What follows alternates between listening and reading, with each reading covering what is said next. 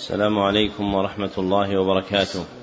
الحمد لله الذي صير الدين مراتب ودرجات وجعل للعلم به أصولا ومهمات. وأشهد أن لا إله إلا الله حقا وأشهد أن محمدا عبده ورسوله صدقا. اللهم صل على محمد وعلى آل محمد كما صليت على إبراهيم وعلى آل إبراهيم إنك حميد مجيد.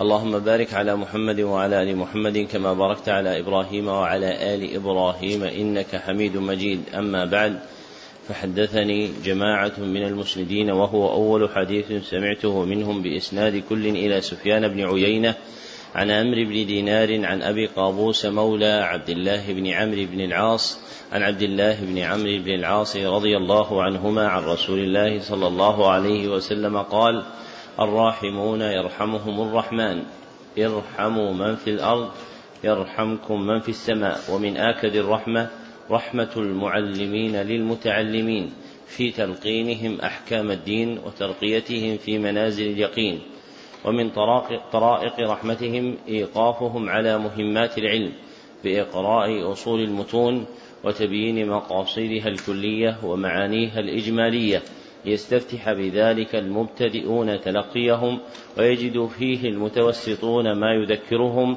ويطلع منه المنتهون إلى تحقيق مسائل العلم. وهذه تتمة شرح الكتاب السادس من برنامج مهمات العلم في مرحلته الأولى وهو كتاب التوحيد الذي هو حق الله على العبيد لإمام الدعوة الإصلاحية في جزيرة العرب في القرن الثاني عشر الشيخ محمد بن عبد الوهاب التميمي رحمه الله المتوفى سنة ست بعد المئتين والألف. وقد انتهى بنا البيان إلى قوله رحمه الله باب قول الله تعالى فلا تجعلوا لله أندادا وأنتم تعلمون. مع بقية مسائل الباب السابق. نعم. بسم الله الرحمن الرحيم. الحمد لله رب العالمين وصلى الله وسلم على نبينا محمد. قال رحمه الله تعالى فيه مسائل. الأولى تفسير معرفة, معرفة النعمة وإنكارها. الثانية معرفة أن هذا جار على ألسنة كثير على ألسنة كثيرة. الثالثة تسمية هذا الكلام إنكارا للنعمة. الرابعة اجتماع الضدين في القلب. باب قول الله تعالى فلا تجعلوا لله أندادا وأنتم تعلمون. مقصود الترجمة بيان النهي عن جعل الأنداد لله. بيان النهي عن جعل الأنداد لله. والأنداد جمع ند. والند ما اجتمع فيه معنيان. أحدهما المثل والمشابهة. المثل والمشابهة والآخر الضد والمخالفة. وجعل الأنداد بالتنديد نوعان اثنان. أحدهما تنديد أكبر وهو ما تضمن جعل شيء من حق الله لغيره مما يتعلق بأصل الإيمان والآخر تنديد أصغر وهو ما تضمن جعل شيء من حق الله لغيره مما يتعلق بكمال الإيمان. ومن الثاني ما ساقه المصنف بدلائله في هذه الترجمة من الألفاظ الجارية على الألسنة. نعم. قال ابن عباس رضي الله عنهما في الآية الأنداد هو الشرك أخفى من دبيب النمل على صفات سوداء في ظلمة الليل وهو أن تقول والله وحياتك يا فلانة وحياتي. وتقول لولا كليبة, كليبة هذا لأتانا اللصوص.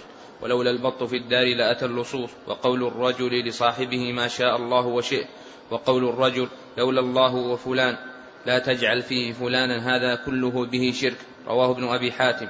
وعن عمر بن الخطاب رضي الله عنه رضي الله عنه أن رسول الله صلى الله عليه وسلم قال من حلف بغير الله فقد كفر أو أشرك رواه الترمذي وحسنه وصححه الحاكم.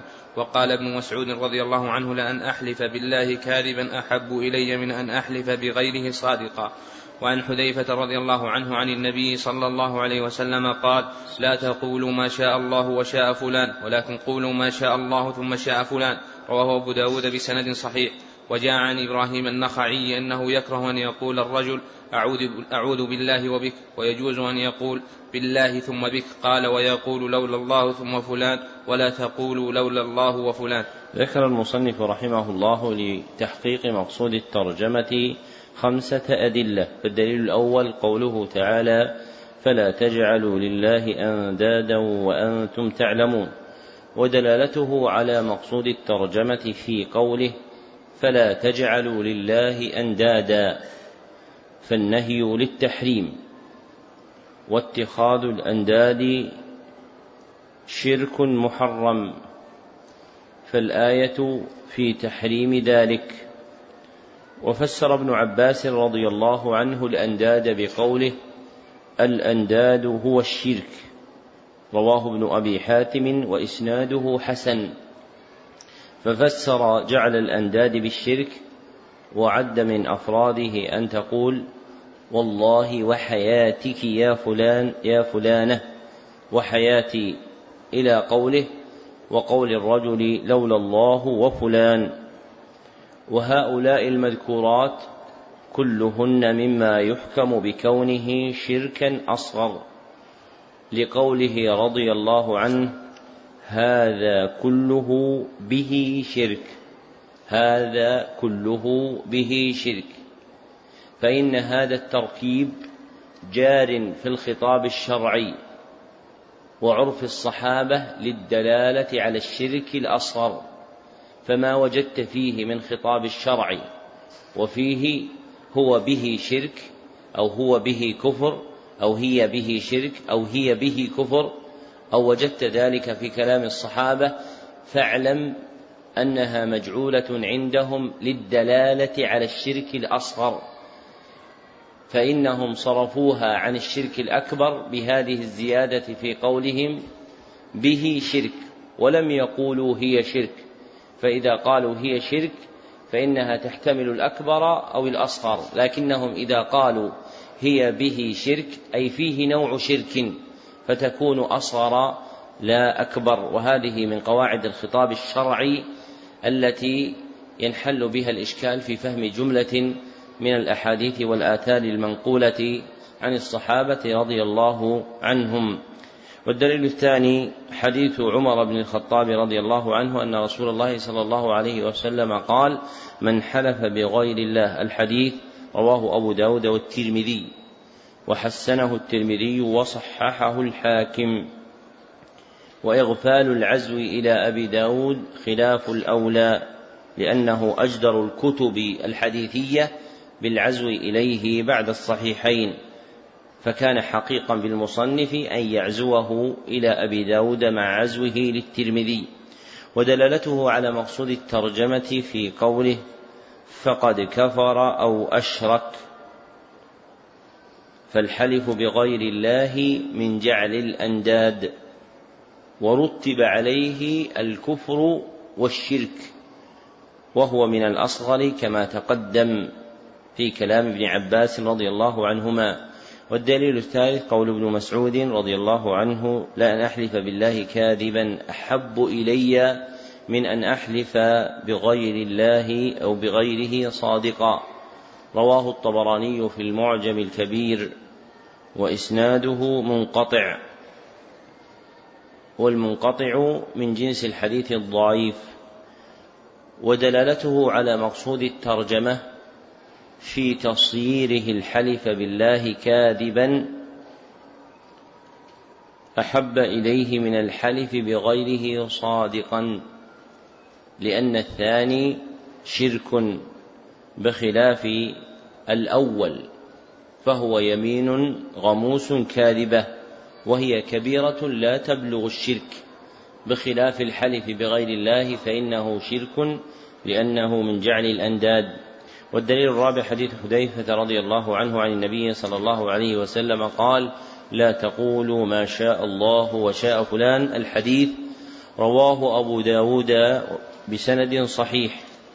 ودلالته على مقصود الترجمة في قوله لا تقولوا ما شاء الله وشاء فلان والنهي للتحريم وعلته ما فيه من التنديد على ما ذكره ابن عباس رضي الله عنهما في تفسير الآية المترجم بها إذ فيه التسوية بين الخالق والمخلوق في اللفظ وهو شرك أصغر. والدليل الخامس ما جاء عن إبراهيم النخعي أنه كان يكره أن يقول أن يقول الرجل أعوذ بالله وبك. الأثر رواه عبد الرزاق في مصنفه بسند جيد ودلالته على مقصود الترجمة من وجهين. أحدهما في كراهيته أن يقول الرجل أعوذ بالله وبك. لأن الكراهية في عرف المتقدمين ليش؟ للتحريم من ذكر هذا؟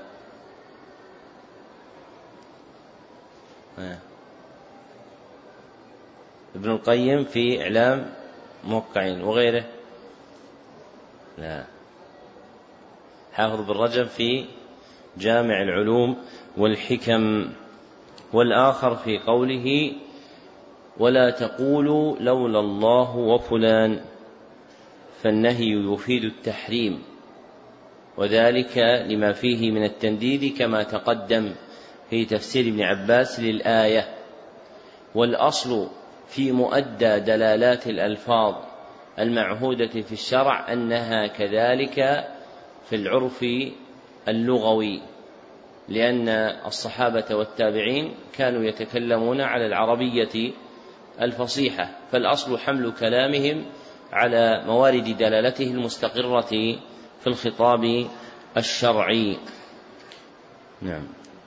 قال رحمه الله تعالى فيه مسائل الأولى تفسير آية البقرة في الأنداد الثانية أن الصحابة رضي الله عنهم يفسرون الآية النازلة في الشرك الأكبر أنها تعم الأصغر. قوله رحمه الله الثانية أن الصحابة يفسرون الآية النازلة في الشرك الأكبر أنها تعم الأصغر أي في جعل ابن عباس رضي الله عنه قول الله عز وجل فلا تجعلوا لله أندادا وأنتم تعلمون في الشرك الأصغر مع أن متعلقها يكون في الشرك الأكبر أيضا لكن هذه من طرائقهم في الاستدلال. فهم يجعلون ما نزل في الأكبر محكوما به على الأصغر. لماذا؟ لماذا يجعلون ما نزل في الأكبر محكوما به على الأصغر أيضا؟ لما بينهما من الاشتراك لما بينهما من الاشتراك في ماذا يشتركان الأكبر والأصغر؟ في جعل شيء من حق الله لغيره لكن يفترقان في المتعلق فإذا تعلق ذلك الجعل بأصل الإيمان فهو أكبر وإذا تعلق بكمال الإيمان فهو أصغر نعم الثالثة أن الحلف بغير الله شرك. الرابعة أنه إذا حلف بغير الله صادقا فهو أكبر من اليمين الغموس. الخامسة الفرق بين الواو وثم في اللفظ. قوله رحمه الله الخامسة الفرق بين الواو وثم في اللفظ لأن الواو لمطلق الجمع فهي تقتضي التسوية والتشريك دون ثم فإنها لا تقتضيه. لأنها موضوعة في اللسان العربي للتراخي المقتضي نزول رتبة المعطوف عن رتبة المعطوف عليه. نعم. باب ما جاء في من لم يقنع بالحلف بالله.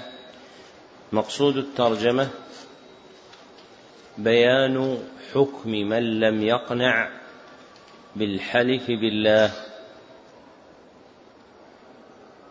والقناعة هنا الرضا.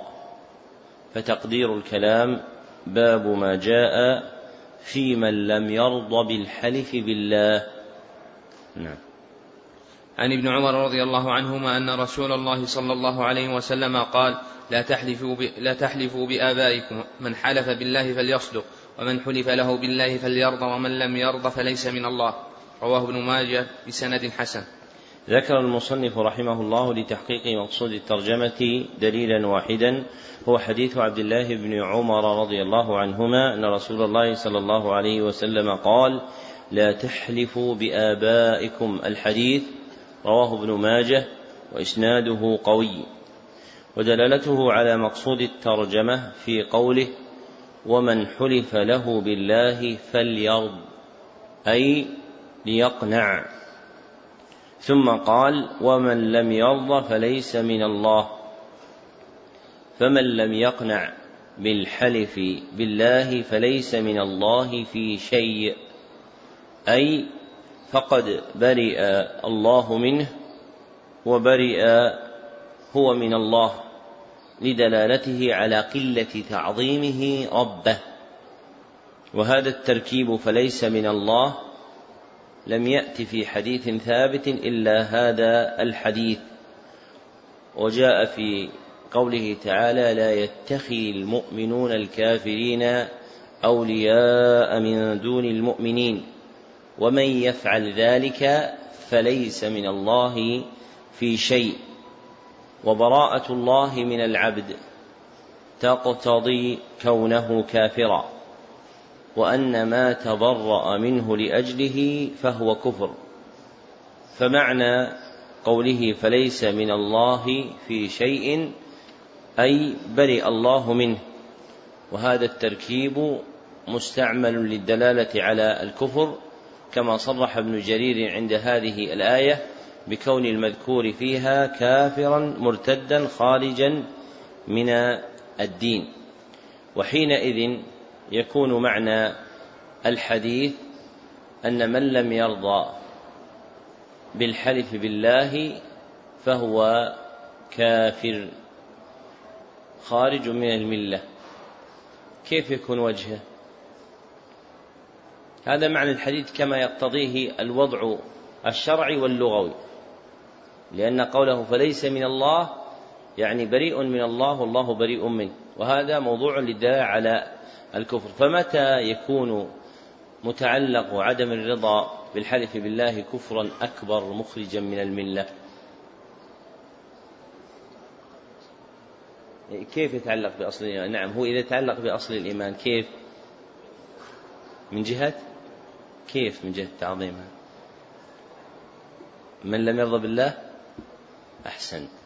من لم يرضى بالله محلوفا به. من لم يرضى بالله محلوفا به فإنه إذا كان كذلك كان كفرا أكبر. كيف؟ مثاله لو أن إنسانا أراد أن يقسم يمينا لرجل فقال والله فقال له الرجل لا تحلف لي بالله احلف لي بالولي الفلاني أو بكذا وكذا فهنا كفره كفر أكبر. لماذا؟ لأنه لم يرضى بالله محلوفا به فهو ليس في قلبه توقير لله بالكلية. هذا معنى الحديث.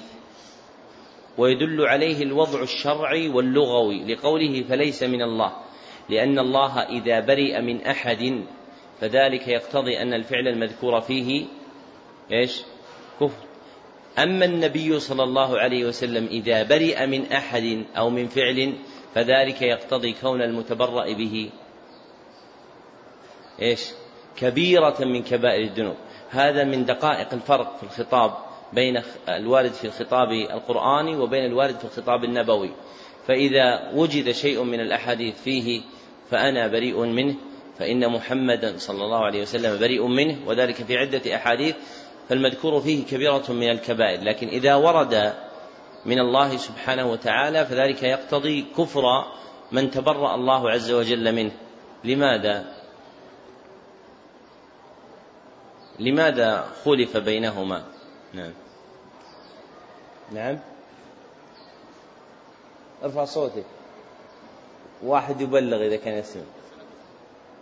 ليس لك من الأمر شيء يعني أستدل بهذه الآية. هذا استدلال حسن. الفرق بينهما أن التبرؤ من الله يقتضي إنكار كونه معبودا ربا معبودا بالكلية. فإذا تبرأ العبد من الله عز وجل وتبرأ الله منه فذلك يقتضي الانفصال الكامل من كل وجه بخلاف براءة النبي صلى الله عليه وسلم. فإن إذا برئ النبي صلى الله عليه وسلم من أحد لا تقتضي انفصاله عنه من كل وجه.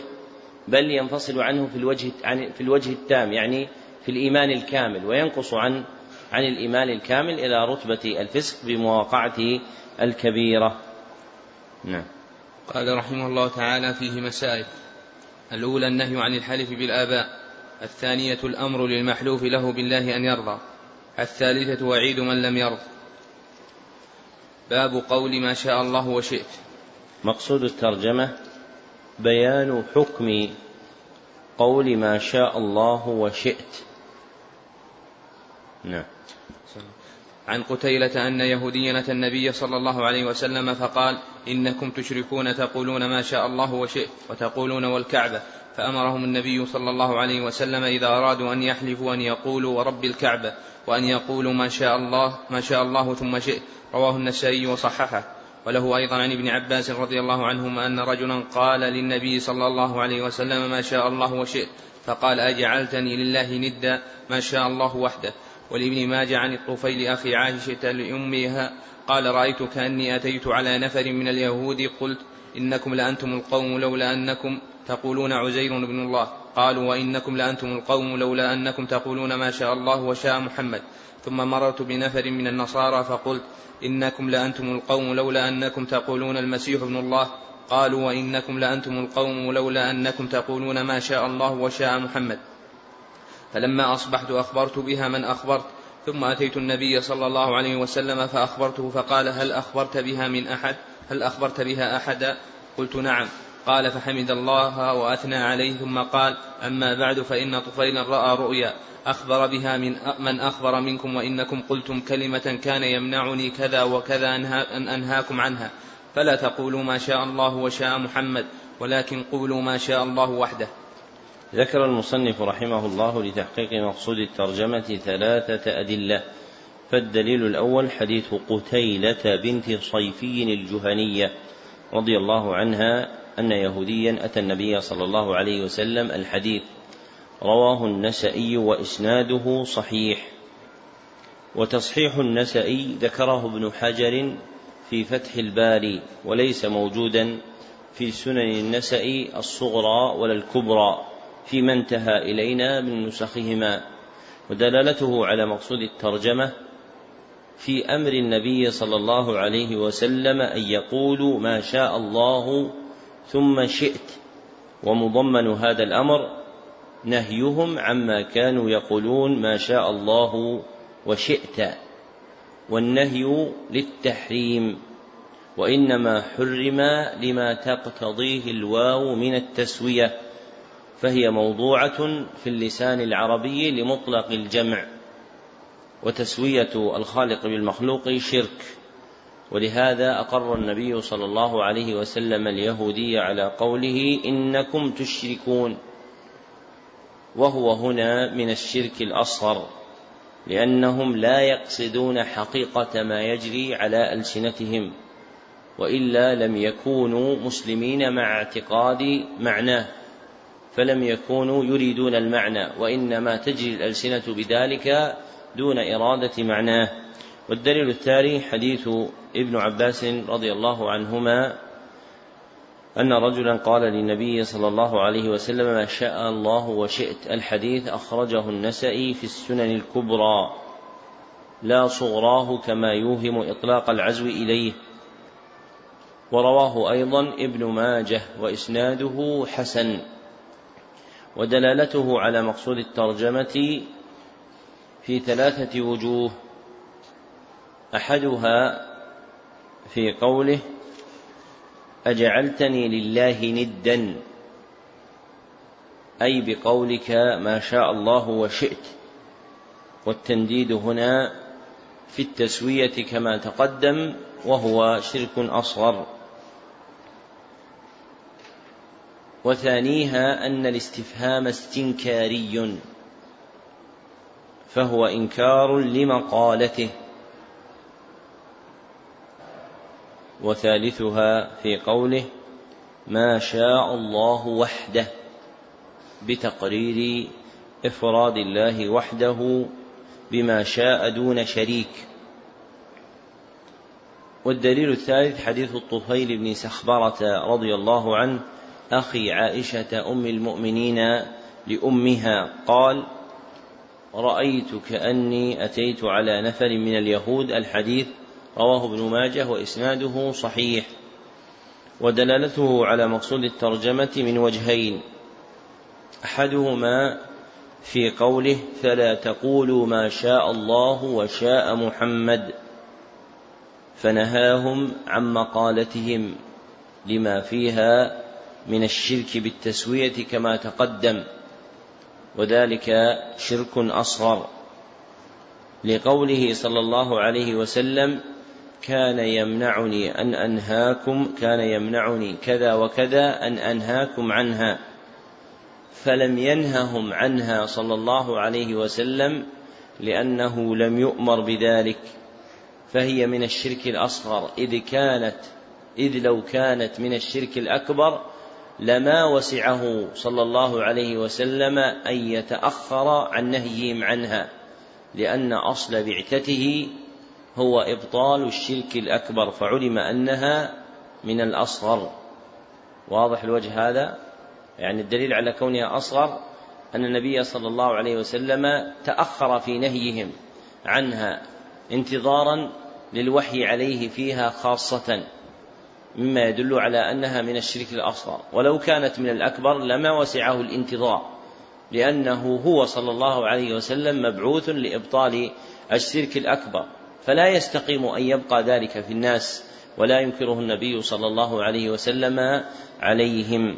والآخر في قوله ولكن قولوا ما شاء الله وحده فأمرهم بإفراد الله بالمشيئة وهذا الذي أمر به النبي صلى الله عليه وسلم هو بلوغ الغاية في الأدب في توحيد الله فإنه يسعهم أن يقولوا ما شاء الله ثم شاء محمد كما يدل عليه حديث قتيلة الأول لكن النبي صلى الله عليه وسلم أراد لزوم الأدب وحسم مادة الشرك فأرشد إلى الأكمل.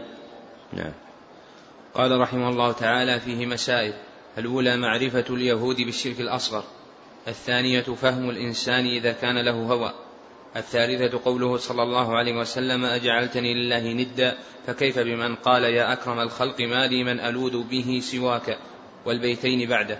الرابعة أن هذا ليس من الشرك الأكبر لقوله يمنعني كذا وكذا. الخامسة أن الرؤيا الصالحة من أقسام الوحي. السادسة أنها قد تكون سببا لشرع, لشرع بعض الأحكام. باب من سب الدهر فقد آذى الله. متى تكون سببا لشرع بعض الأحكام؟ في زمن في زمن التنزيل يعني في حياة النبي صلى الله عليه وسلم. أما بعده فلا تكون أبدا سببا لتشريع الأحكام. نعم. باب من سب الدهر فقد آذى الله. مقصود الترجمة بيان أن من سب الدهر فقد آذى الله. والدهر الزمن. وسبه شتمه. ومن سبه فقد آذى الله أي تنقصه. أي تنقصه. لأن الله هو الخالق المدبر. لما كرهوه. من الأحوال التي حملتهم على سب الدهر وسب الدهر له ثلاثة أحوال له ثلاث أحوال. أولها سب الدهر على اعتقاد كونه فاعلا مع الله. سب الدهر على اعتقاد كونه فاعلا مع الله وهذا شرك أكبر. وثانيها سب الدهر على اعتقاد كونه سببا مؤثرا في قدر الله. سب الدهر على اعتقاد كونه سببا مؤثرا في قدر الله. وهذا شرك أصغر. وثالثها سب الدهر على عدم اعتقاد كونه فاعلا مع الله ولا سببا مؤثرا في قدر الله. وهذا محرم للنهي عنه المقتضي للتحريم لما فيه من إضافة الحوادث إلى غير محدثها ونسبة المخلوقات إلى غير خالقها سبحانه. نعم. وقول الله تعالى وقالوا ما هي إلا حياتنا الدنيا نموت ونحيا وما يهلكنا إلا الدهر. الآية في الصحيح عن أبي هريرة عن النبي صلى الله عليه وسلم قال قال الله تعالى يؤذيني ابن آدم يسب الدهر وأنا الدهر أقلب الليل والنهار. وفي رواية لا تسبوا الدهر فإن الله هو الدهر. ذكر المصنف رحمه الله لتقرير مقصود الترجمة دليلين. فالدليل الأول قوله تعالى وقالوا ما هي إلا حياتنا الدنيا الآية. ودلالته على مقصود الترجمة في قوله وما يهلكنا إلا الدهر. فهذا خبر عن الدهريين من الكفار ومن وافقهم من مشرك العرب المنكرين للمعاد. ومن سب الدهر فقد شابههم في نسبة الأفعال إلى غير الله وجعل الدهر فاعلا. والدليل الثاني حديث أبي هريرة رضي الله عنه أن رسول الله صلى الله عليه وسلم قال قال الله تعالى يؤذيني ابن آدم. الحديث متفق عليه ودلالته على مقصود الترجمة من وجهين. أحدهما في قوله قال الله تعالى يؤذيني ابن آدم. يسب الدهر. فجعل مسبة الدهر أذية له عز وجل. فجعل مسبة الدهر أذية له عز وجل. ومن آذى الله ففعله محرم. بل كبيرة من كبائر الذنوب. لأن الله يقول إن الله ي... إن إن الذين يؤذون الله ورسوله لعنهم الله في الدنيا والآخرة ولهم وأعد لهم عذابا مهينا. ولعنهم وإعداد العذاب لهم دال على كون ذلك كبيرة من كبائر الذنوب. والآخر في قوله لا تسبوا الدهر فإن صيغة النهي للتحريم. ومعنى قوله فأنا الدهر وفي الرواية الثانية فإن الله هو الدهر مفسرة بقوله في الحديث نفسه أقلب الليل والنهار أي أصرف الدهر. ويبينه ما في الصحيحين أيضا في هذا الحديث أن الله قال بيد الأمر أي تدبير الأفعال. فيكون معنى قوله فأنا الدهر أي أنا الذي أدبر الأمور وأغير الأحوال. نعم. قال رحمه الله تعالى فيه مسائل. الأولى النهي عن سب الدهر. الثانية تسميته أذى الله. الثالثة التأمل في قوله فإن الله هو الدهر. الرابعة أنه قد يكون قد يكون سابا ولو لم يقصده بقلبه. باب التسمي بقاضي القضاة ونحوه. مقصود الترجمة بيان حكم التسمي بقاضي القضاة ونحوه. كملك الملوك وحاكم الحكام وسيد السادات. نعم. في الصحيح عن أبي هريرة رضي الله عنه عن النبي صلى الله عليه وسلم قال إن أخنع اسم عند الله رجل تسمى ملك الأملاك لا مالك إلا الله. قال سفيان مثل شاهان شاه وفي رواية أغيض رجل على الله يوم القيامة وأخبثه. قوله أخنع يعني أوضع. ذكر المصنف رحمه الله لتحقيق مقصود الترجمة دليلا واحدا وهو حديث أبي هريرة رضي الله عنه عن النبي صلى الله عليه وسلم قال إن أخنع اسم عند الله. الحديث متفق عليه. ودلالته على مقصود الترجمة من وجهين. أحدهما في قوله إن اخنع اسم عند الله رجل تسمى ملك الأملاك ومعنى أخنع أي أوضع وأذل. والضعة والذلة لا تكون إلا بفعل المحرمات فدل على كون المذكور محرما. والآخر في قوله أغيض رجل على الله يوم القيامة وأخبثه. والغيظ أشد الغضب وما اشتد غضب الله لأجله ووصف بالخبث فهو محرم. وإنما كسي المتسمي بهذا الاسم ملك الأملاك بهذين الوصفين الذلة وغضب الله لما في تسميه بهذا الاسم من طلب مشاركة الله سبحانه وتعالى في التعظيم. إذ لا مالك على الحقيقة إلا الله ومتى قصدت حقيقة ذلك فهو شرك أكبر لأنه منازعة لله في ربوبيته إلا أن المتسمي بها من المنتسبين إلى الإسلام لا يريد حقيقتها وإنما جرت الألسنة بها فهي شرك أصغر وليست أكبر في حقهم ويلحق بملك الأملاك ما في معناه كما قال سفيان بن عيينة مثل شاهان شاه أي في لسان فارس وهو ملك الملوك وبه يعلم أن الألقاب الأعجمية تراعى فيها الأحكام الشرعية لأن أحكام الشرع مناطة بالحقائق والمعاني لا بالألفاظ والمباني. فإذا وجد في الاسم الأعجمي معنى نهى عنه الشرع كان منهيا عنه فمن فقه سفيان إلحاقه ما جاء باللسان الفارسي بما جاء مبينا في اللسان العربي فيكون حكم شاهان شاه كحكم ملك الأملاك وكل اسم أعجمي كان تفسيره على معنى عربي منهي عنه فإنه منهي عنه أيضا.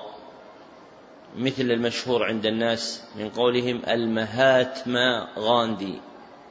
المهاتما غاندي. فإن المهاتما عندهم لقب مجعول للدلالة على التأليه ففيه جنس من تعلق الألوهية بالمذكور وهو غاندي الرجل المشهور في الهند. فلا يجوز أن يذكره المسلم بقوله المهاتما غاندي عند الإخبار عنه وإنما يقول قال غاندي أو فعل غاندي أو نحو ذلك. نعم. قال رحمه الله تعالى فيه مسائل. الأولى النهي عن التسمي بملك الأملاك. الثانية أن ما في معناه مثله كما قال سفيان. الثالثة التفطن للتغليظ في هذا ونحوه. مع القطع بأن القلب لم يقصد لم يقصد معناه. الرابعة التفطن أن هذا لأجل الله سبحانه. باب احترام أسماء الله تعالى وتغيير وتغيير الاسم لأجل ذلك. مقصود الترجمة بيان وجوب بيان وجوب احترام أسماء الله الحسنى. بيان وجوب احترام أسماء الله الحسنى وتغيير الاسم لأجل احترامها وتغيير الاسم لأجل احترامها تحقيقا للتوحيد. والاحترام هو رعاية الحرمة وتوفير الجناب. نعم. عن أبي شريح أنه كان يكنى أبا الحكم فقال له النبي صلى الله عليه وسلم إن الله هو الحكم وإليه الحكم. فقال إن قومي إذا اختلفوا في شيء أتوني فحكمت بينهم فرضي كلا الفريقين فقال ما أحسن هذا فما لك من الولد؟ قلت شريح ومسلم وعبد الله. قال فمن أكبرهم فقلت شريح. قال فأنت أبو شريح رواه أبو داود وغيره. ذكر المصنف رحمه الله لتحقيق مقصود الترجمة دليلا واحدا. هو حديث أبي شريح هانئ بن يزيد الكندي رضي الله عنه أنه كان يكنى أبا الحكم الحديث رواه أبو داود والنسائي بإسناد حسن ودلالته على مقصود الترجمة في تغيير الرسول صلى الله عليه وسلم كنية هانئ من أبي الحكم إلى أبي شريح وإنما غيرها النبي صلى الله عليه وسلم لأنها لم تجعل للعلمية المحضة. بل جعلت للعلمية المتضمنة معنى مرادا وفي ذلك مشاركة لله لأن أسماء الله عز وجل هي أعلام وأوصاف له بخلاف غيره. فلما لوحظ في الاسم معنى الصفة أمر النبي صلى الله عليه وسلم بتغييره والتغيير دال على احترام اسم الله الحكم. وإفراده سبحانه به علما ووصفا وأن ذلك واجب دفعا لما يتوهم من مشاركته عز وجل. وأسماء الله باعتبار اختصاصها به نوعان. أحدهما ما يختص به ولا يسمى به غيره. مثل الله والرحمن فهذه تحرم تسمية غيره بها. والثاني ما لا يختص به ويسمى به غيره مثل الرؤوف والعزيز والرحيم. والنوع الثاني إذا كان علما محضا لم يمنع منه. أما مع ملاحظة الصفة عند التسمية فإنه يكون قسمين. أما مع ملاحظة المعنى وهو الصفة عند التسمية فإنه يكون قسمين. الأول تسميته بذلك على إرادة كمالها. تسميته بذلك على إرادة كمالها بحيث يستحق جميع أفرادها. فهذا شرك أكبر لما فيه من مشاركة الله سبحانه وتعالى في حقيقة المعنى المراد من تسميته عز وجل بذلك. والآخر أن يسمى بذلك على إرادة أصلها. أن يسمى بذلك على إرادة أصلها أي أصل الصفة بحيث يكون له من المعنى ما يناسب حاله بحيث يكون له من المعنى ما يناسب حاله. وهذا جائز. ومنه قوله تعالى يا أيها العزيز. منه قوله تعالى يا أيها العزيز. هذا تحرير هذه المشكلة من المسائل التي جنح فيها بعض المتأخرين إلى التفريق بين إذا كان الاسم مصدرا بأل أو غير مصدر بأل.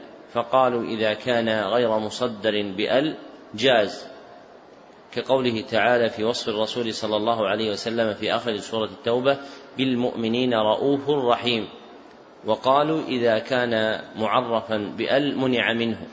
وفي هذا نظر لورود ذلك في القرآن في قوله تعالى يا أيها العزيز فحينئذ يكون التفريق بوجود أل وعدمها ضعيف.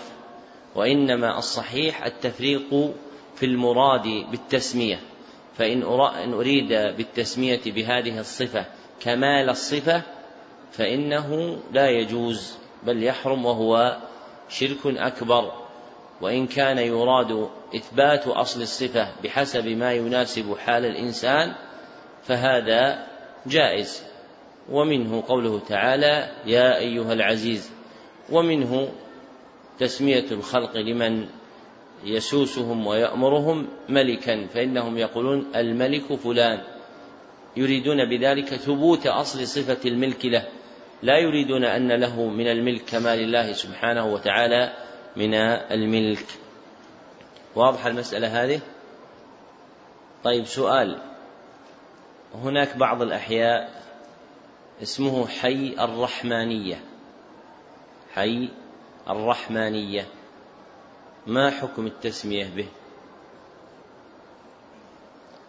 طبقوا يا إخوان من القسم الأول ولا من القسم الثاني؟ من القسم الأول يعني المختصة بالله الرحمن اسم مختص بالله فلا يسمى به غيره ولا يشتق منه اسم لغيره. إحنا ما علينا من البلدية علينا من الأحكام الشرعية هذا الاسم لا يجوز شرعا. طيب في حي اسمه العزيزية. من القسم الأول أو القسم الثاني؟ من القسم الثاني. فإن لوحظ فيه كمال الصفة لم يجز وإن لوحظ فيه أصل الصفة جاز وهذا هو المراد عند الناس. أصلا الأرض العزيزية سموها بذلك لقوتها وصلابتها يعني نسبة إلى العزة والشدة التي تكون في أرضها. فالغالب أن الأراضي المسماة بهذا الاسم عند من يدرك قبل في الأسماء القديمة للأحياء تكون فيها هذا المعنى. وعلى هذا فقس الأسماء التي بين الناس في أمورهم كلها. نعم. قال رحمه الله تعالى فيه مسائل. الأولى احترام صفات الله وأسمائه ولو كلاما لم يقصد, لم يقصد معناه. قوله رحمه الله الأولى احترام صفات الله وأسمائه ولو كلاما لم يقصد معناه. من ذلك أن الكتب التي فيها آيات وأحاديث تشتمل على أسماء الله وصفاته لا توضع على الأرض. فإن هذا من احترام الله من احترام أسماء الله عز وجل وصفاته. ومنها كتاب التوحيد كتاب العقيدة الواسطية. هذه كتب فيها آيات وأحاديث تشتمل على أسماء الله وصفاته. فمن الأدب وتعظيم أسماء الله عز وجل وصفاته ألا يضعها الإنسان على الأرض. نعم. الثانية تغيير الاسم لأجل ذلك. الثالثة اختيار أكبر الأبناء للكنية. قوله رحمه الله الثالثة اختيار أكبر الأبناء للكنية. لو قال اختيار أكبر الأولاد للكنية كان أتبع للحديث لأن الأبناء اسم يختص بالذرية الذكور بخلاف اسم الأولاد. فإنه يقع على الذكور والإناث والذي في الحديث فما لك من الولد؟ فهو سأله عن ذري سأله عن ذريته كلها ذكورها وإناثها فأخبره أن له ثلاثة من الولد. نعم. باب من هزل بشيء فيه ذكر الله أو القرآن أو الرسول. مقصود الترجمة بيان أن من هزل بشيء فيه ذكر الله أو القرآن أو الرسول فقد كفر أو بيان حكمه. فمن يجوز أن تكون شرطية ويجوز أن تكون موصولة؟ فإذا كانت شرطية فجواب الشرط محذوف تقديره فقد كفر. رحمك الله. وإن كانت موصولة فهي بمعنى الذي فيكون تقدير الكلام بيان حكم الذي هزل بشيء فيه ذكر الله أو القرآن أو الرسول. والهزل هو المزح بخفة. ومعنى من هزل بشيء فيه ذكر الله أي من هزل بالله أو القرآن أو الرسول صلى الله عليه وسلم. فاشتمل هزله على أن يذكر الله أو يذكر القرآن أو يذكر الرسول صلى الله عليه وسلم. نعم. وقول الله تعالى ولئن سألتهم ليقولن إنما كنا نخوض ونلعب. الآية عن ابن عمر ومحمد بن كعب وزيد بن أسلم وقتادة دخل حديث بعضهم في بعض.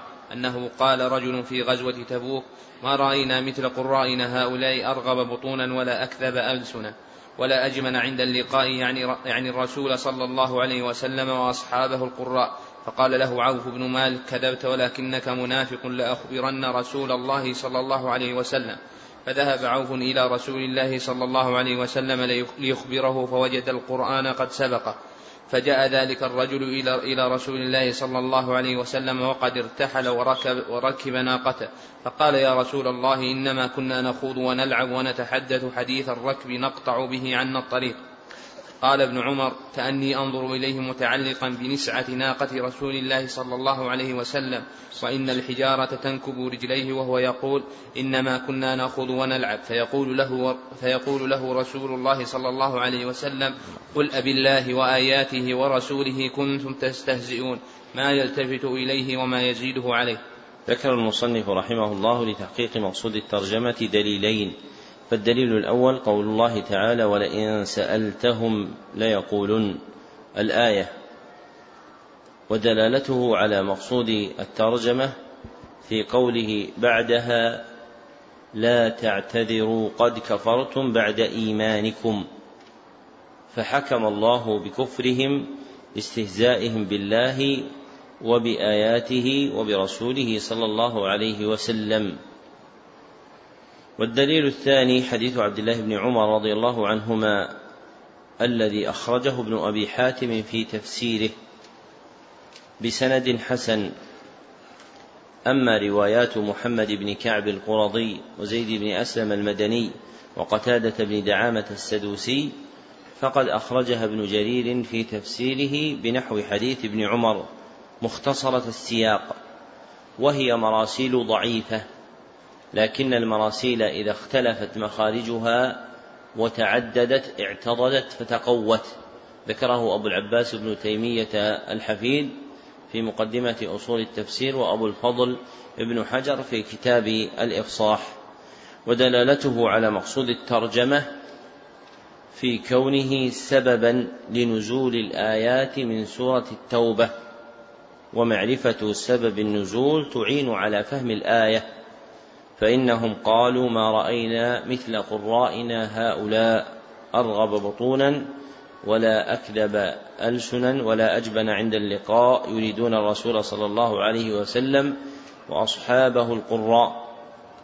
والقراء اسم موضوع في عرف المتقدمين للعالمين بالقرآن والسنة العاملين بهما.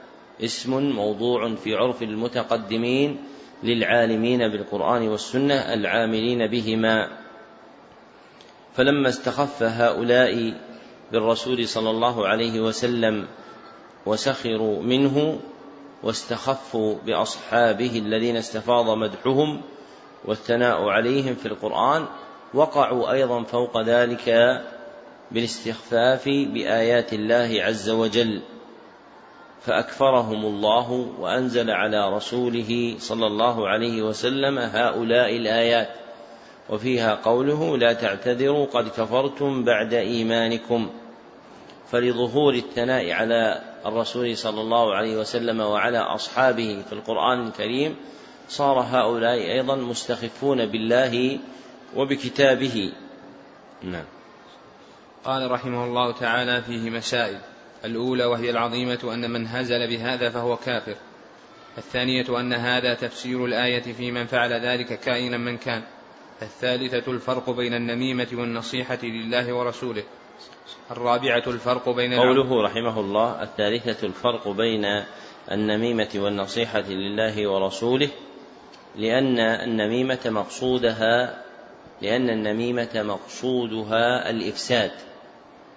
والنصيحة مقصودها الإصلاح. نعم.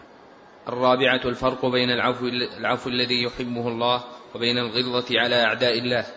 الخامسة أن من الاعتذار ما لا ينبغي أن يقبل. باب ما جاء في قول الله تعالى ولئن أذقناه رحمة منا من بعد ضراء مسته ليقولن هذا لي. الآية.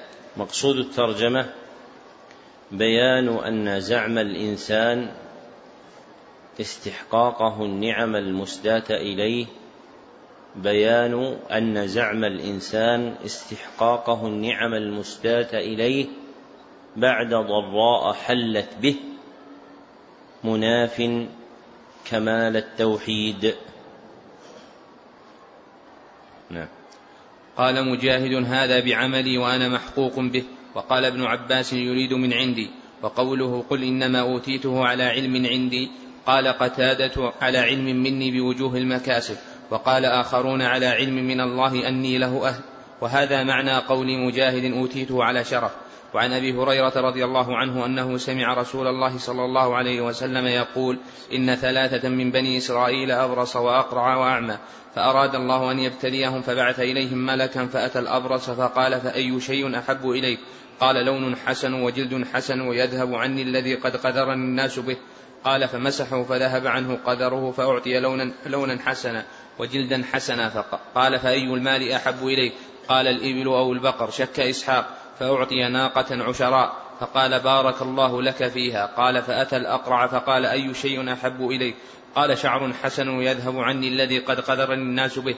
فمسحه فذهب عنه وأعطي شعرا حسنا. قال فأي المال أحب إليك قال البقر أو الإبل فأعطي بقرة حاملا قال بارك الله لك فيها فأتى الأعمى فقال أي شيء أي شيء أحب إليك؟ قال أن يرد الله إلي بصري فأبصر به الناس فمسحه فرد الله إليه بصره قال فأي المال أحب إليك؟ قال الغنم فأعطي شاة والدا. فأنتج هذان وولد هذا فكان لهذا واد من الإبل ولهذا واد من البقر ولهذا واد من الغنم قال ثم إنه أتى الأبرص في صورته وهيئته فقال رجل مسكين وابن سبيل قد انقطعت بي الحبال في سفر هذا فلا بلاغ لي اليوم إلا بالله ثم بك. أسألك بالذي أعطاك اللون الحسن والجلد الحسن والمال بعيرا أتبلغ به في سفري. فقال الحقوق كثيرة. فقال له كأني أعرفك. ألم تكن أبرص؟ ألم تكن أبرص يقدرك الناس فقيرا فأعطاك الله المال. فقال إنما ورثت هذا المال كابرا عن كابر. قال إن كنت كاذبا فصيرك الله إلى ما كنت. قال وأتى الأقرع في صورته وهيئته فقال له مثل ما قال لهذا ورد عليه مثل ما رد عليه هذا فقال له إن كنت كاذبا فصيرك الله إلى ما كنت. قال وأتى الأعمى في صورته وهيئته فقال رجل مسكين وابن سبيل. قد انقطعت بي الحبال في سفري فلا بلاغ لي اليوم إلا بالله ثم بك. أسألك بالذي رد عليك بصرك شاة أتبلغ بها في سفري فقال قد كنت أعمى فرد الله إلي بصري فخذ ما شئت ودع ما شئت فوالله لا أجهدك اليوم بشيء أخذته لله. قال أمسك عليك أمسك مالك فإنما ابتليتم فقد رضي الله عنك والساخط على صاحبيك. أخرجاه. ذكر المصنف رحمه الله لتحقيق مقصود الترجمة ثلاثة أدلة فالدليل الأول قول الله تعالى ولئن أذقنا ولئن أذقناه رحمة منا الآية ودلالته على مقصود الترجمة في قوله ليقولن هذا لي مع قوله في صدرها ولئن أذقناه رحمة منا من بعد ضراء مسته فإنه لما ذاق رحمة الله من بعد الضراء التي مسته زعم أنه مستحق لما أنعم عليه به فقال هذا لي. ونقل المصنف رحمه الله في تفسيرها أثران الأول عن مجاهد قال هذا بعملي وأنا محقوق به. رواه ابن جرير بهذا اللفظ وهو عند البخاري معلقا لكن فيه هذا بعلمي. ورجح الحافظ ابن حجر أنه بتقديم الميم على اللام أي بعملي كما في رواية ابن جرير. والثاني أثر ابن عباس رضي الله عنهما قال يريد من عندي. رواه ابن جرير وعبد بن حميد في تفسيرهما بنحوه. ومجموع الأثرين دال على أن هذا المدعي زعم استحقاق النعمة باعتبار مبدئها. فمن في قول ابن عباس يريد من عندي للابتداء وتفسيره هو في كونه عمل لها. كما قال مجاهد هذا بعمل فهو يرى أن ابتداء النعمة وقع منه هو لأنه عمل لها. وزعم أيضا استحقاقها باعتبار منتهاها كما قال مجاهد وأنا محقوق به أي جدير بهذه النعمة مستحق لها. فصارت دعوى الاستحقاق مشتملة على ادعائها ابتداء وانتهاء وهذا من أعظم السوء والجور في الدعوى الكاذبة. وهذا القول المذكور هذا لي هو قول الكافر فمن قالها معتقدا حقيقتها كما قالها قائلها المذكور في القرآن فهو كافر كفرا أكبر. وإن قالها غير معتقد حقيقتها بل يرى أن مسدي النعمة هو الله سبحانه وتعالى لكن جرت على لسانه من غير قصد فذلك كفر أصغر.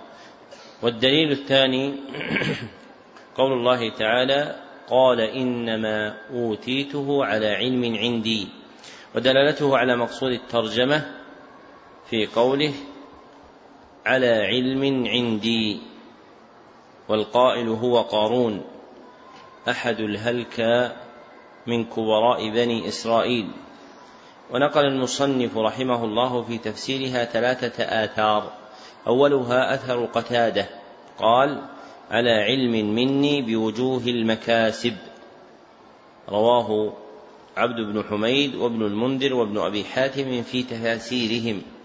وثانيها أثر السدي. قال على علم من الله أني له أهل ولم يسمه المصنف بل أبهمه فقال وقال آخرون على علم من الله أني له أهل. وقد أخرجه عبد بن حميد وابن أبي حاتم في تفسيريهما بهذا اللفظ عن السدي فهو المقصود بقول المصنف وقال آخرون. وثالثها أثر مجاهد قال أوتيته على شرف.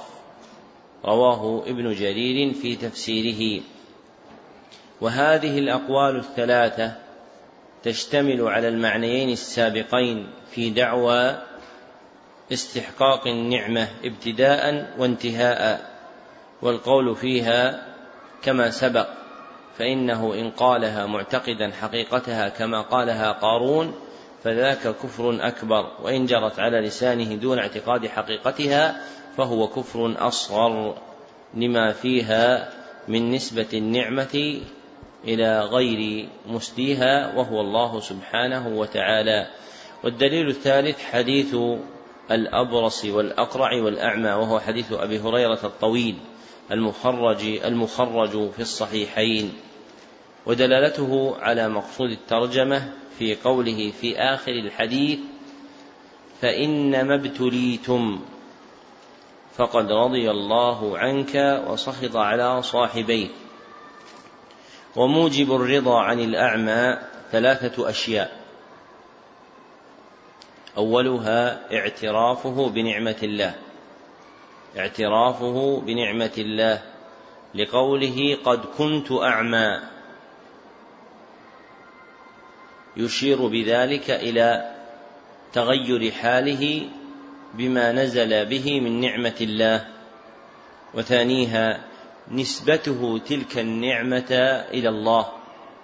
نسبته تلك النعمة إلى الله. لقوله فرد الله إلي بصري. فرد الله إلي بصري. وثالثها أداؤه حق الله فيها. أداؤه حق الله فيها. لقوله فخذ ما شئت ودع ما شئت. فوالله لا أجهدك اليوم بشيء أخذته لله. وموجب السخط على الأبرص والأقرع ضد ذلك وهو ثلاثة أشياء.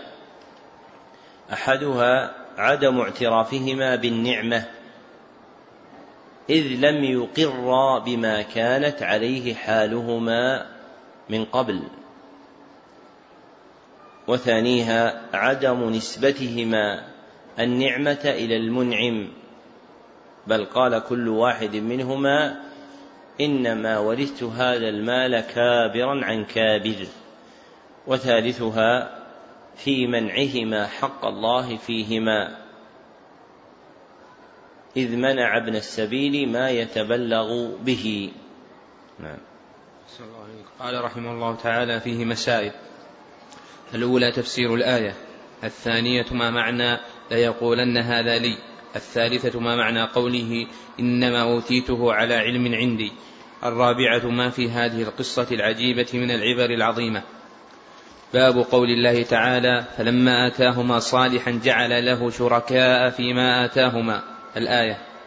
مقصود الترجمة بيان أن تعبيد الأسماء لغير الله شرك في الطاعة بيان أن تعبيد الأسماء لغير الله شرك في الطاعة وهو شرك أصغر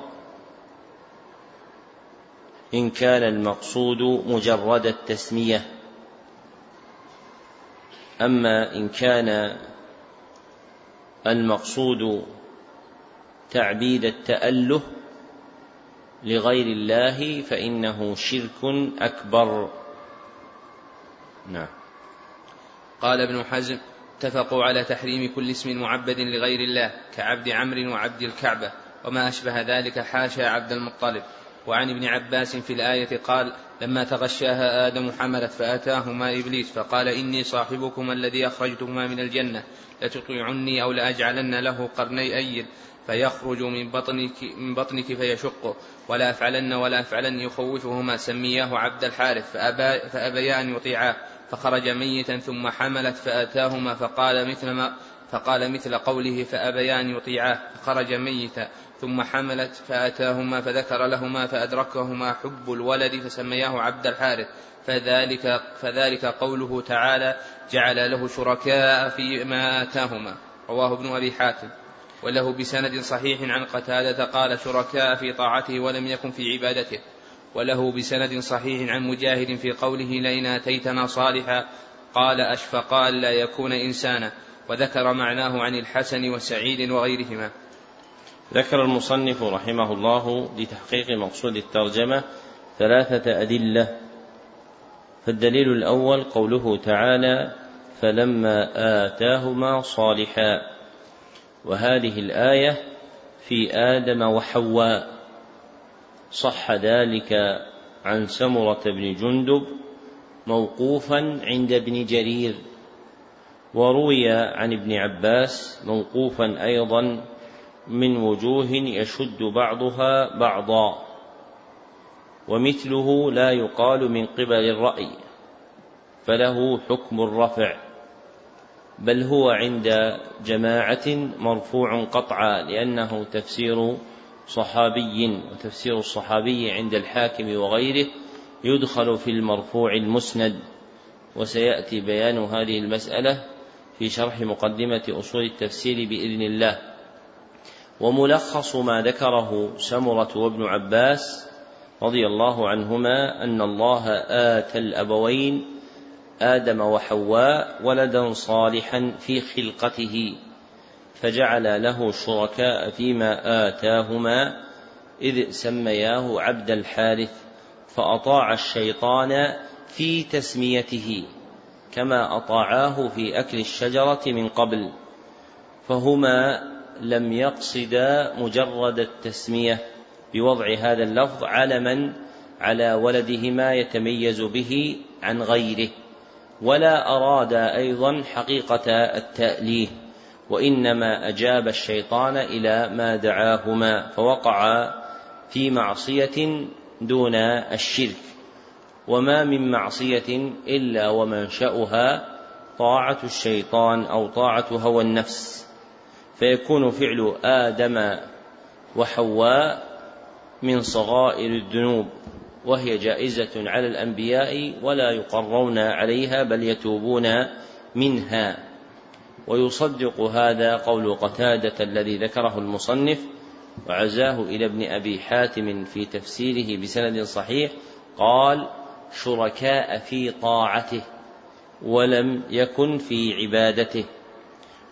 ودلالة الآية على مقصود الترجمة في قوله وجعل له شركاء أي بتسمية الولد عبد الحارث وهما لم يقصد أن يكون هذا الاسم اسما له وعلما يتميز به ولا قصد حقيقة التعبيد وإنما حملهما حب الولد كما في الأثر الذي ذكره المصنف عن مجاهد قال أشفقا ألا يكون إنسانا وذكر معناه عن الحسن البصري وسعيد بن جبير فإن سعيدا إذا أطلق في نقل التفسير فهو سعيد بن جبير فآدم وحواء لم يريدا أن يكون هذا اللفظ اسما لولدهما ولا حقيقته المتضمنة تأليه القلب وتعظيم الشيطان على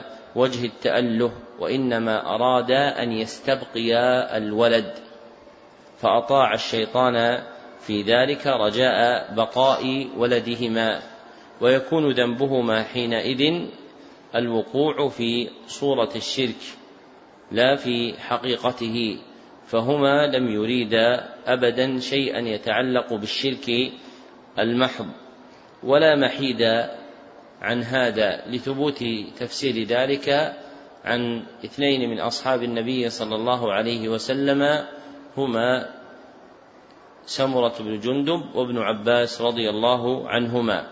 بل إن ابن جرير نقل في تفسيره إجماع الحجة على هذا التفسير لكن ابن جرير ينقل الإجماع وربما أراد به الأكثر. وكيفما كان فإن تفسيرهما بكون المراد بهما آدم وحواء ثابت عن الصحابة عن اثنين منهم ولا يعلم لهما مخالف. فتفسير الصحابة أولى من تفسير من بعدهم. بل في تيسير العزيز الحميد أن تفسيرهما بغير آدم وحواء ككون المراد بهما المشركين أن هذا من التفاسير المبتدعة المحدثة التي لم تكن من تفاسير الصحابة وإنما حدثت بعدهما. وبهذا التقرير يندفع الإشكال عن أنها لو كانت في آدم وحواء كيف يكون ذلك وهو شرك؟ بأن يقال إنهما لم يقعا في الشرك وإنما وقعا في طاعة الشيطان إذ سمي الولد عبد الحارث رجاء بقاء الولد فهما لم يريدا أن يجعل عبد الحارث اسما له أي علما يتميز به ولا أراد أيضا حقيقة التأليه وإنما أراد أن يستبقي الولد فوقع في موافقة الشيطان طائعين له. وهذا لا يكون شركا وإنما هو معصية فإن المعاصي تنشأ من طاعة الشيطان. وإنما أشكل تفسير هذه الآية على كثير من الناس لأنهم تتبعوا شذورا للقصة وتفاصيل لا تصح. فإن القصة لا تصح مفصلة على نحو مطول كما يوجد في بعض التفاسير. وإنما تصح موجزة أنها آدم في أنها آدم في آدم وحواء إذ سميا ولدهما عبد الحارث. والدليل الثاني الإجماع الذي نقله أبو محمد بن حزم في كتابه مراتب الإجماع. قال اتفقوا على تحريم كل اسم معبد لغير الله إلى آخره. وإنما خص عبد المطلب بجريان الخلف فيه لأن من سمي به من المسلمين فهو على قصد تسميته باسم جد الرسول صلى الله عليه وسلم عبد المطلب وهو لم يعبد لغير الله وإنما أصل اسمه عبودية الرق فإن اسمه شيبة وكان مقيما عند أخواله في المدينة وكانت تسمى حينئذ يثرب فلما اصطحبه عمه المطلب معه إلى مكة ورآه الناس مع عمه المطلب على حال من الشعث من الشعث والاغبرار وتغير اللون ظنوه مملوكا لعمه عبد المطلب. فنادوه يا عبد المطلب يا عبد المطلب. ثم غلب عليه هذا الاسم فصار اسمه فصار اسمه المشهور عند العرب. ولما كان كذلك في حق عبد المطلب لا يراد بها عبودية التأليه وإنما عبودية الرق. صار الخلاف في تسمية من سمي به من المسلمين على إرادة كونه اسما لجد النبي صلى الله عليه وسلم. والدليل الثالث حديث عبد الله بن عباس رضي الله عنهما في تفسير الآية. قال فلما تغشاها آدم الحديث رواه ابن جرير وابن أبي حاتم من وجوه فيها ضعف. يشد بعضها بعضا في ثبوت أصل التفسير دون تفاصيل القصة في ثبوت أصل التفسير دون تفاصيل القصة. وهذا مأخذ نافع في الحكم على كثير من المرويات إذا تعددت طرقها مع ضعفها أن يثبت أصلها مع عدم ثبوت تفاصيلها. ذكر هذا أبو العباس بن تيمية الحفيد في مقدمة أصول التفسير وستأتي قراءة كلامه إن شاء الله. ودلالته على مقصود الترجمة في كونه تفسيرا للآية المتقدمة معينا على فهمها. نعم. قال رحمه الله تعالى فيه مسائل. الأولى تحريم كل اسم معبد لغير الله. الثانية تفسير الآية. الثالثة أن هذا الشرك في مجرد التسمية لم تقصد حقيقتها. قوله رحمه الله الثالثة أن هذا الشرك في مجرد تسمية لم تقصد حقيقتها إنما يصح هذا في حق غير آدم وحواء. أما هما فلم يقصد التسمية أي لم يقصد وضع الاسم علما على الولد. لم يقصد وضع الاسم علما على الولد يتميز به ولا أراد حقيقة التأليه يعني التعظيم. فلا يكون ذلك منهما شركا. نعم. الرابعة أن هبة الله للرجل البنت السوية من النعم. الخامسة ذكر السلف الفرق بين الشرك في الطاعة والشرك في العبادة. باب قول الله تعالى ولله الأسماء الحسنى فادعوه بها وذروا الذين يلحدون في أسمائه. الآية. مقصود الترجمة بيان أن الإلحاد في أسماء الله مما ينافي التوحيد. والإلحاد في أسماء الله هو الميل بها عما يجب فيها هو الميل بها عما يجب فيها وأنواعه ثلاثة. ذكرها ابن القيم في الصواعق المرسلة والكافية الشافية. أولها جحد معانيها وثانيها إنكار المسمى بها. وثالثها التشريك فيها.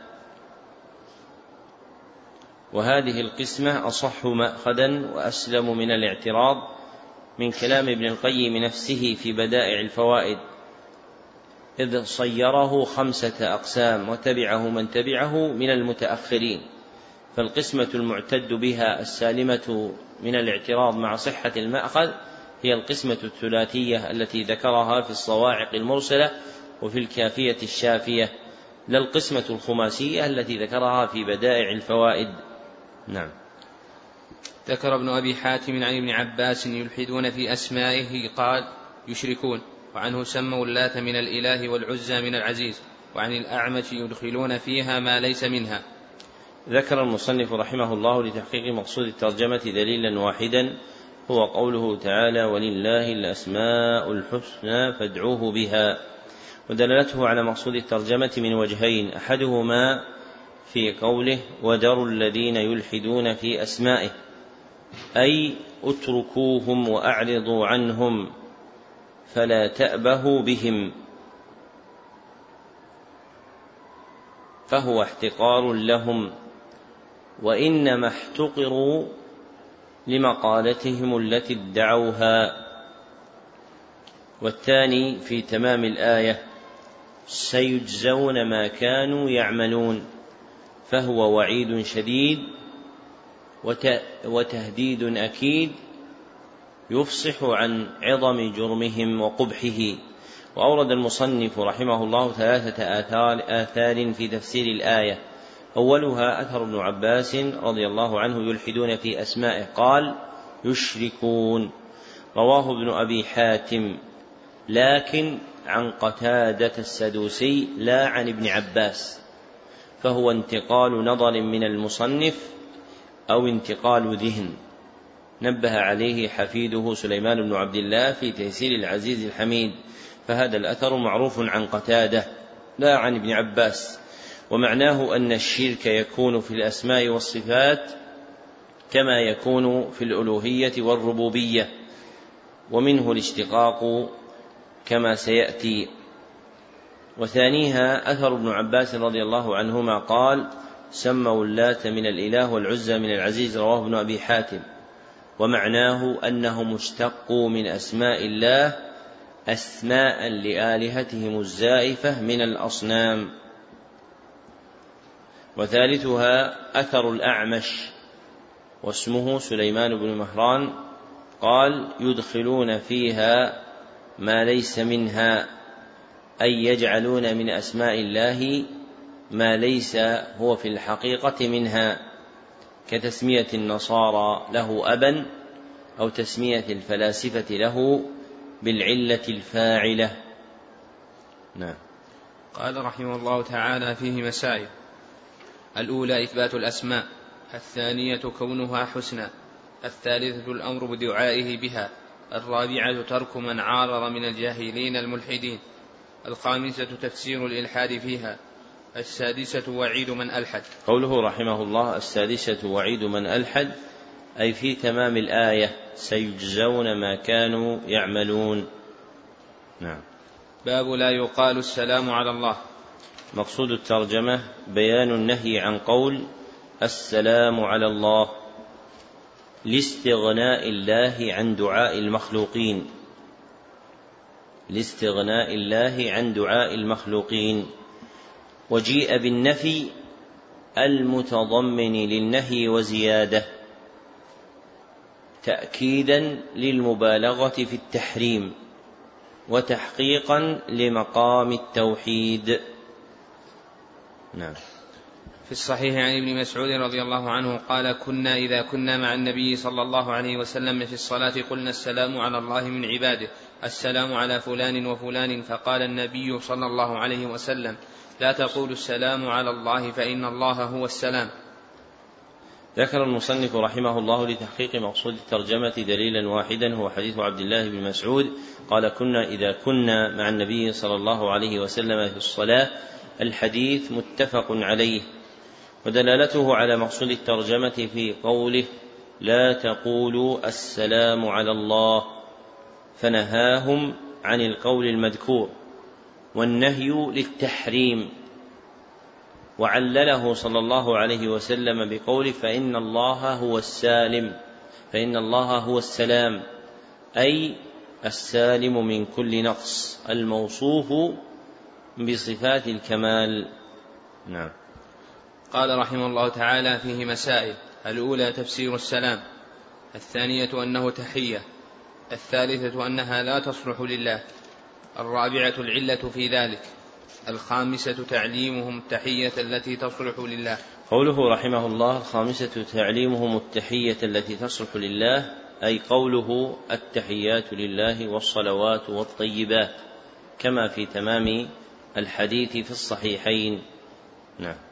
باب قول باب قول اللهم اغفر لي إن شئت. مقصود الترجمة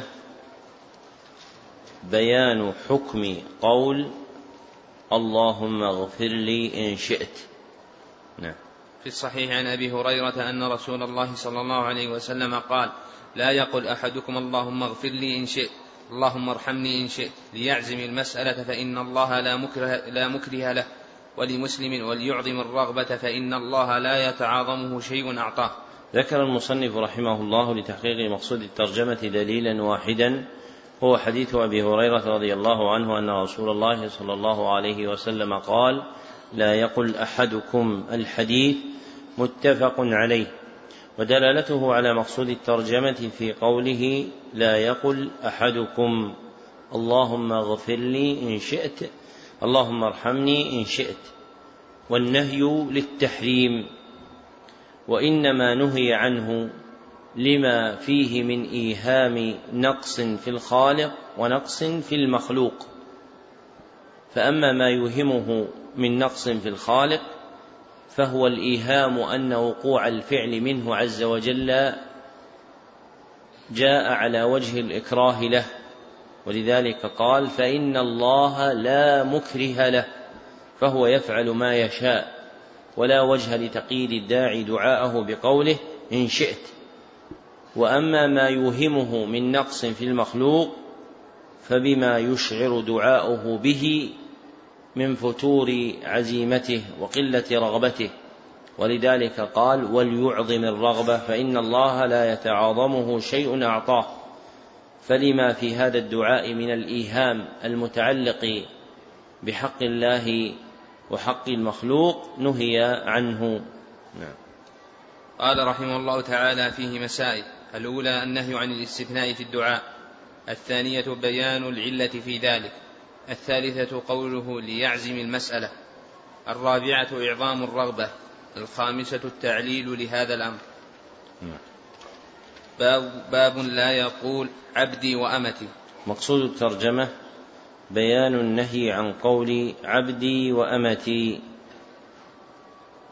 لما في ذلك من إيهام المشاركة لله في الربوبية والألوهية لما في ذلك من إيهام المشاركة لله في الربوبية والألوهية فنهي عنه تأدبا. وحماية لجناب التوحيد. نعم. في الصحيح عن أبي هريرة رضي الله عنه أن رسول الله صلى الله عليه وسلم قال لا يقل أحدكم أطعم ربك وضئ ربك وليقل سيدي ومولاي ولا يقل أحدكم عبدي وأمتي وليقل فتاي وفتاتي وغلامي.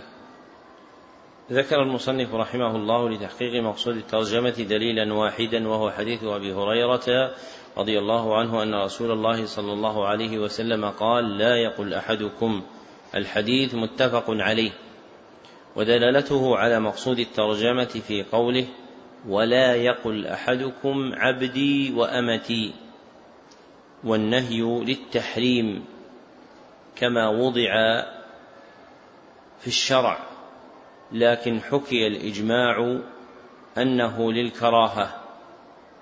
وفي نقل الإجماع نظر بل هو مذهب الجمهور ولا إجماع فيه. ذكره ابن القيم في زاد المعاد وابن حجر في فتح الباري وهو الصحيح لقوله تعالى والصالحين من عبادكم أي رقيقكم الذي تملكون.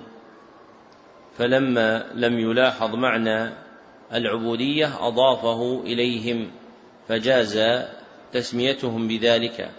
وإن لوحظ المعنى تعين الحمل على التحريم حفظا لجناب التوحيد. ولم يترجم المصنف على صدر الحديث فلم يقل باب لا يقول أطعم ربك وض ربك ولا يقول عبدي وأمتي وإنما اقتصر في الترجمة على آخره.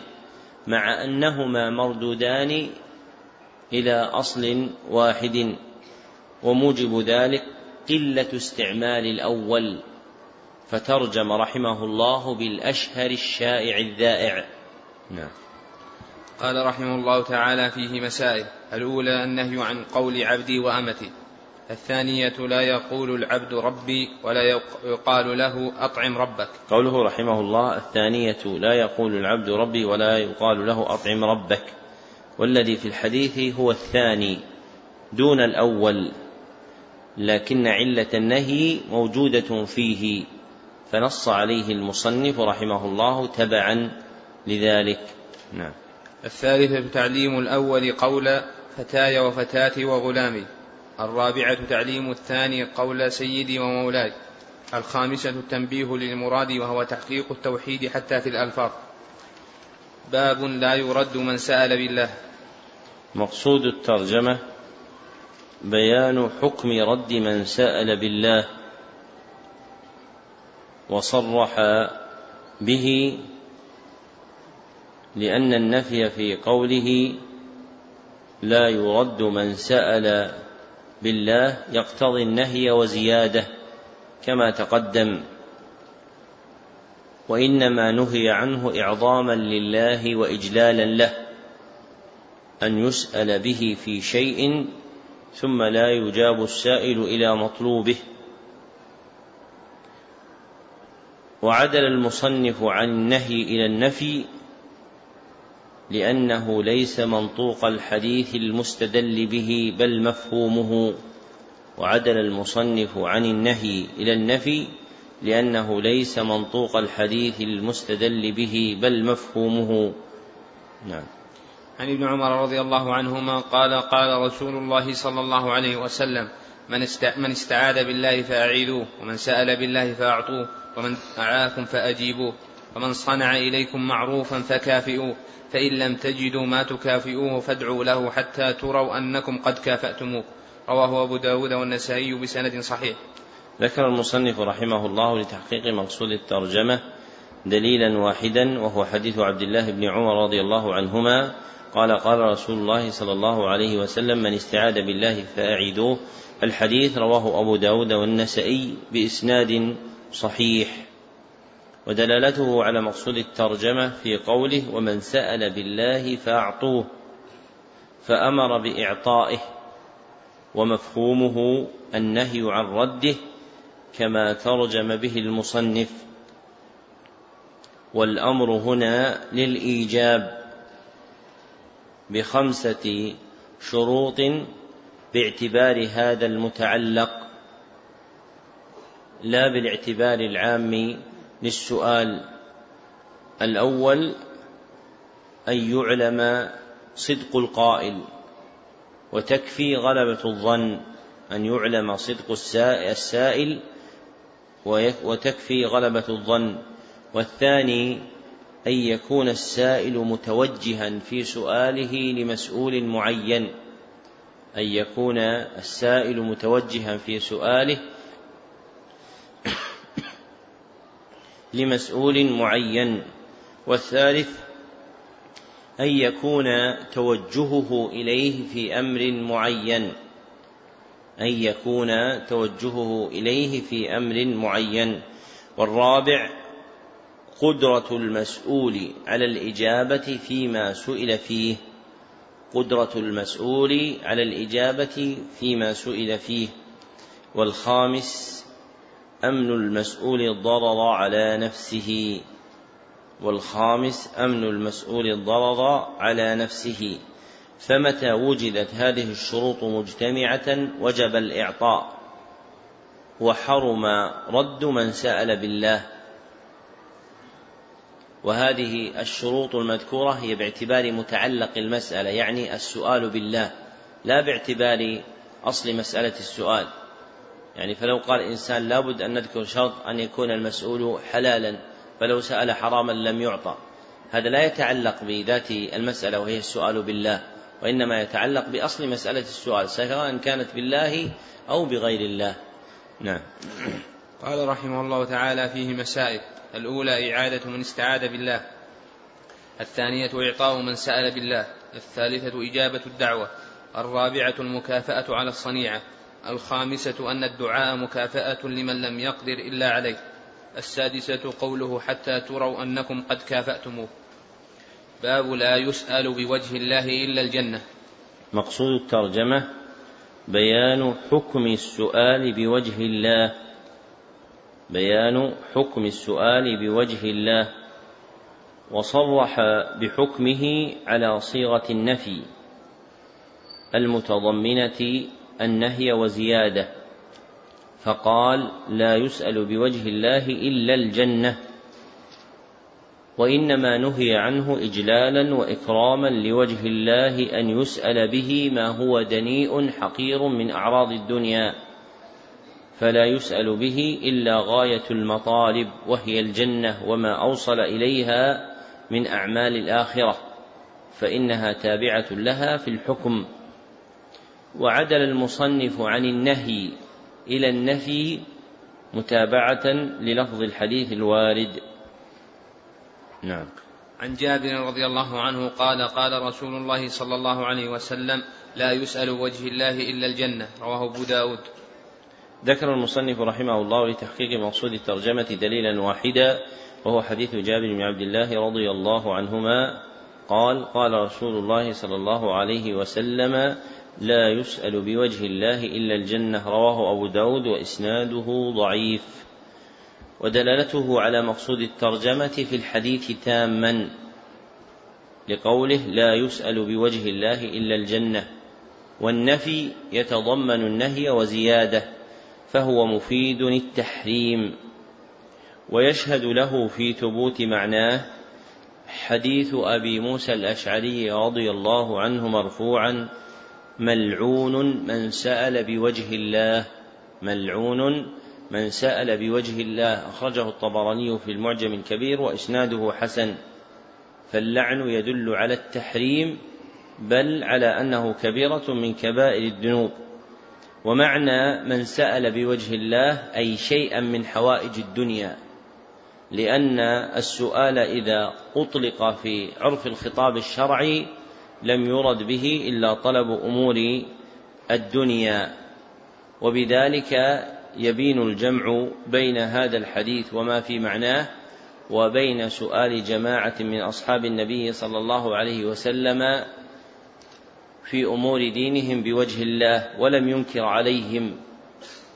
كالحديث الذي رواه النسائي من حديث بهز بن حكيم عن أبيه عن جده معاوية بن حيدة رضي الله عنه أنه قال لرسول الله إني أسألك بوجه الله بما بعثك ربك إلينا. وإسناده حسن. وبوب عليه النسائي من سأل بوجه الله. وإنما خرج هذا السؤال من النهي لأنه لا يسمى في العرف الشرعي سؤالا بالله لأن اسم السؤال مختص في الشرع في طلب أمور الدنيا. نعم. قال رحمه الله تعالى فيه مسائل. الأولى النهي عن, عن, عن أن يسأل بوجه الله إلا غاية المطالب. الثانية إثبات صفة الوجه. باب ما جاء في اللون مقصود الترجمة بيان حكم قول لو الداخلة على جملة. وأل لا تفيد تعريفا فيها. لأن المراد هنا اللفظ. فتقدير الكلام باب ما جاء في هذا اللفظ لو. وليس مراد المصنف بيان جميع أحكامه بل أراد شيئا واحدا هو بيان حكم قول لو على وجه التندم والأسى على ما فات. هو بيان حكم قول لو على وجه التندم والأسى على ما فات والمبين ذلك الأدلة التي ساقها فإنها متعلقة ببيان هذا الوجه من وجوه لو في أحكامها. نعم. وقول الله تعالى يقولون لو كان لنا من الأمر شيء ما قتلنا هنا الآية. وقوله الذين قالوا لإخوانهم وقعدوا لو أطاعونا ما قتلوا. الآية في الصحيح عن أبي هريرة رضي الله عنه أن رسول الله صلى الله عليه وسلم قال احرص على ما ينفعك واستعن بالله ولا تعجز ولا تعجزن. وإن أصابك شيء فلا تقل لو أني فعلت كذا لكان كذا وكذا ولكن قل قدر الله وما شاء فعل فإن لو تفتح عمل الشيطان. ذكر المصنف رحمه الله لتحقيق مقصود الترجمة ثلاثة أدلة. فالدليل الأول قوله تعالى يقولون لو كان لنا من الأمر شيء ودلالته على مقصود الترجمة في قوله يقولون لو كان لنا. وهذا قول بعض المنافقين يوم أحد معارضة منهم للقدر فرد الله عليهم مقالتهم مبطلا لها فقال قل لو كنتم في بيوتكم لبرز الذين كتب عليهم القتل إلى مضاجعهم. والدليل الثاني قوله تعالى الذين قالوا لإخوانهم وقعدوا الآية ودلالته على مقصود الترجمة في قوله لو أطاعونا ما قتلوا. وهذا من قول المنافقين أيضا قالوه يوم أحد معارضين به القدر ورد الله عليهم مبطلا مقالتهم فقال قل فادرأوا عن أنفسكم الموت إن كنتم صادقين. فمعارضة القدر بلو كما في هاتين الآيتين من مقالات المنافقين ومقالات المنافقين من جملة المحرمات. هذه قاعدة مقالات المنافقين من جملة المحرمات. لكن أي منافقين؟ اللي حكم عليهم الله عز وجل ورسوله بيقين أم الذي نحكم عليهم نحن؟ الذين حكم عليهم الله ورسوله. فهؤلاء الذين يقال إن هذه المقالة مقالة منافقين للقطع بنفاقهم. أما غيرهم فإنه قد يظهر العلم بهم لأحد وقد يخفى على غيره. والدليل الثالث حديث أبي هريرة رضي الله عنه أن رسول الله صلى الله عليه وسلم قال احرص على ما ينفعك. الحديث رواه مسلم. ودلالته على مقصود الترجمة في قوله وإن أصابك شيء فلا تقل لو أني فعلت كذا لكان كذا وكذا. والنهي للتحريم لما في قولها من الإشعار بعدم الصبر والأسى على ما فات وملامة القدر والاعتراض عليه فينفتح باب من أبواب الشيطان من التسخط والجزع وعدم التسليم لأقدار الله. وقول لو على وجه التندم والأسى على ما فات يجيء على ثلاثة أنواع. قول لو على وجه التندم والأسى على ما فات يجيء على ثلاثة أنواع. أحدها أن يقولها متندما معارضا حكم الشرع. أن يقولها متندما معارضا حكم الشرع كما في قوله تعالى لو أطاعونا ما قتلوا أي لو أطاعونا في عدم الخروج للقتال والجهاد. وثانيها أن يقولها متندما معارضا حكم القدر. كما في قوله يقولون لو كان لنا من الأمر شيء ما قتلنا ها هنا. وثالثها أن يقولها متندما لا معارضا للحكم الشرعي ولا القدري وإنما يقولها تسخطا وجزعا. وهذه الأنواع كلها محرمة تنافي كمال التوحيد. وربما أفضت بالعبد إلى الوقوع في الكفر لموافقته حال المنافقين. نعم. قال رحمه الله تعالى فيه مسائل. الأولى تفسير الآيتين في آل عمران. الثانية النهي الصريح عن قول لو أني إذا أصابك شيء. الثالثة تعديل المسألة بأن ذلك يفتح عمل الشيطان. الرابعة الإرشاد إلى الكلام الحسن. الخامسة الأمر بالحرص على ما ينفع. مع الاستعانة بالله. السادسة النهي عن ضد ذلك وهو العجز. باب النهي عن سب الريح. مقصود الترجمة بيان النهي عن سب الريح أي شتمها ومنه اللعن لأنها مأمورة لا اختيار لها فنهي عن سبها لدلالته على سب آمرها وهو الله. فهو كسب الدهر الذي تقدمت له ترجمة مفردة فالريح فرد من أفراد تقلباته والنهي للتحريم لما في ذلك من تنقص الله وعدم إجلاله والتسخط من قضائه. نعم. عن أبي بن كعب رضي الله عنه أن رسول الله صلى الله عليه وسلم قال لا تسبوا الريح فإذا رأيتم ما تكرهون فقولوا اللهم إنا نسألك من خير هذه الريح وخير ما فيها وخير ما أمرت به ونعوذ بك من شر هذه الريح وشر ما فيها وشر ما أمرت به. صححه الترمذي. ذكر المصنف رحمه الله لتحقيق مقصود الترجمة دليلا واحدا هو حديث أبي بن كعب أن رسول الله صلى الله عليه وسلم قال لا تسبوا الريح. الحديث رواه الترمذي والنسائي. واختلف في رفعه ووقفه. والصواب أنه موقوف من كلام أبي رضي الله عنه. لكن له شاهد مرفوع من حديث أبي هريرة عند أبي داود وابن ماجه بسند صحيح. فعمدة الباب عليه. ودلالته على مقصود الترجمة في قوله لا تسبوا الريح. فالنهي للتحريم. وهذا آخر بيان هذه الجملة على وجه مختصر يبين مقاصدها الكلية ومعانيها الإجمالية. نستوفي بقيته بعد صلاة المغرب مباشرة بإذن الله. الحمد لله رب العالمين وصلى الله وسلم على عبده ورسوله محمد وآله وصحبه أجمعين.